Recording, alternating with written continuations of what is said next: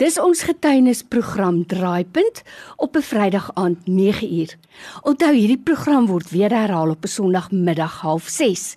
En as ek nou moet glo wat ons luisteraars sê, dan is dit nou een program wat baie mense nooit probeer misloop nie. Ek dink die rede daarvoor is dat ons elke week 'n getuienis hoor van die goedheid van God. En ek dink dit bevestig net weer vir ons die feit ons dien 'n God wat lewe. Onthou as jy 'n getuienis het, moenie vergeet om dit met ons te deel nie. SMS net vir my die woord draaipunt na 32716 dit kos vir jou R1 of jy kan 'n WhatsApp stuur na 084 6614104. As jy dit alreeds gedoen het, en ek het jou nog nie gebel nie, stuur asseblief weer die SMS of die WhatsApp.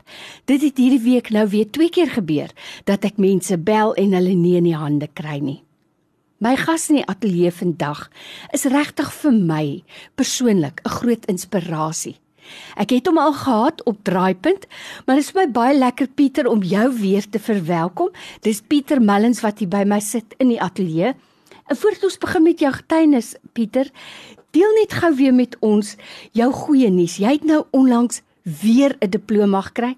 Ek mag verkeerd wees, maar ek dink dit is omtrent al jou 6de diploma as ek reg. Ja, yeah, this is my 6th diploma. Uh what I achieved by my work, I got only one thing in my mind. I want to reach something.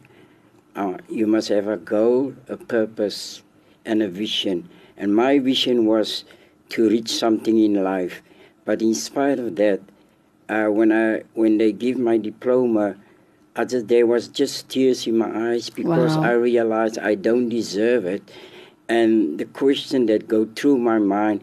It is that I'm still loving the Lord. Amen. He is, he, I'm serving Him hundred percent, and when I make my decision hundred percent, I knew my family make a good decision when they release me and they let me go to serve the Lord with my whole heart. And exactly this is my vision for for Radio Tygerberg and what I'm doing. I do my work with compassion and I'm still loving the Lord because he mean a lot to me. Now my guest in the studio today is Peter Mullins. If you ever visit Radio Tygerberg, you may see him in the parking area. He's one of the cleaners and he's employed by VR Sid. A success story, really. You know, Peter, when you say that you were released by your family, what happens if you decide to answer to the call of the Lord, but it's against the religion of your family and you're actually ousted? How does that feel? How does that make one feel? Well, my side, when I came a Christian, I was the same with my family because I respect them, I'm still loving them, and are still going on strong because you cannot come a Christian and to be nasty with your family. I'm still loving my mother and I'm still loving my brothers. Doesn't matter if they rejected me, I'm still loving them. Amen. Because this was the purpose of Jesus to love your enemies, to love everybody. And this is what I'm doing. And I, if I look back for the seven years on the street, and I just give God the glory and I believe the Christian in a country, if they just surrender 100% to the Lord and live for Him, and I believe many Christians got one thing in mind, and that is that they want to go to heaven. But there must take place a spiritual birth in you. You have to be born Amen. again because the child have to grow, Christ have to grow in you. Because Jesus said, if He come, we must be like Him. So we cannot mislead ourselves to think that we're going to heaven because we're making a big mistake. The question is, Christ must come forth in our life. It's a spiritual birth have to take place because True. Jesus said, if we come, we must be like Him. Mm. We have to be like Him.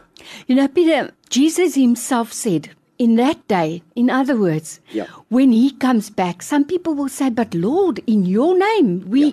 Cured people, we did miracles. And He will say, go away, I don't know you. So it's true what you say.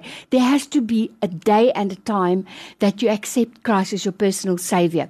Every day when I speak to you, you do your work, your daily job, yep. as if you are working for the Lord. Fantastic. Now, people who are listening to us, they're sitting in a crummy job, they hate it, and they don't want to go to work. despite the fact that there are thousands of people who want that job, but they hate their work. How do you do that? How do you manage to do your job every day as if you are doing it for the Lord and not for people? My question is, Lorraine, it doesn't matter in what state the world is in, doesn't matter how the people look.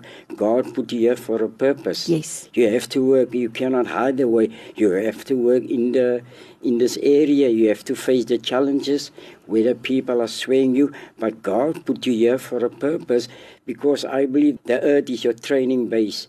True. This is the place that you get your training. You you cannot just smile. It cries in you. It's His life. It's about Him and Him alone. And uh, I realized when I'm doing a research and I come to the point, why does Christians struggle? In a finance field, in property, I don't believe a Christians have to go to, uh, to struggle because I believe when I came a Christian, I surrendered myself and I can say, Lorraine, I have nothing.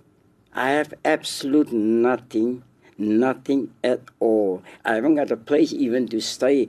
But when I surrender myself to the God of the universe, and one thing I realized it, why does the Christian don't, don't get excited now? Because he said, if you see these signs, know my coming is nearer. Why there is not excitement in them?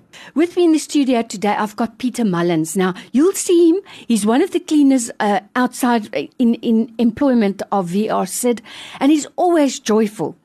Peter, to close off our talk today, you I said it at the beginning, and I truly mean it. You are an inspiration to me. And you know why? Because your whole life centers around Christ. And really, truly, that's the way a Christian should live. That's the only purpose of our life, actually. And then, one other thing that I will never forget is that Christ really, truly speaks to you. He really, truly reveals himself to you. Tell us about that. Uh, when the Lord reveals Himself, I hear sometimes if I work in a parking, I hear a voice say, Peter, a fantastic voice. Oh, wow. And I realize more and more is God is using ordering people to build, to fulfill His purpose and His plan. He's using ordering people. Secondly, I have to be humble. I have to be watch over myself. And the reason I said to watch over myself, it is uh, you have to be aware because you can come, pride can enter you Amen. if you're not aware about this. So I have to be humble. Lord, keep me humble. And many times I say to the Lord, if I, if I can just put my face in the dust, I will do it 100% because you walked the dusty road of Dolorosa and you was rejected for me. Amen. Now, Peter, if anybody wants to call you and they've got a problem and they need you to pray for them, I'm going to give your number. It's Peter Mullins, and you can reach him on 065 393 9965. It's 065 393 9965. And if you ever visit Radio Tygerberg, look out for him, shake his hand, and I can promise you, five minutes in the company of this man and you will be uplifted. Fantastic. That's what it always does to Thank me. you very much. Peter, thank you for coming in and Thank sharing with us again. You, Lorraine. God bless you. Thank you very much.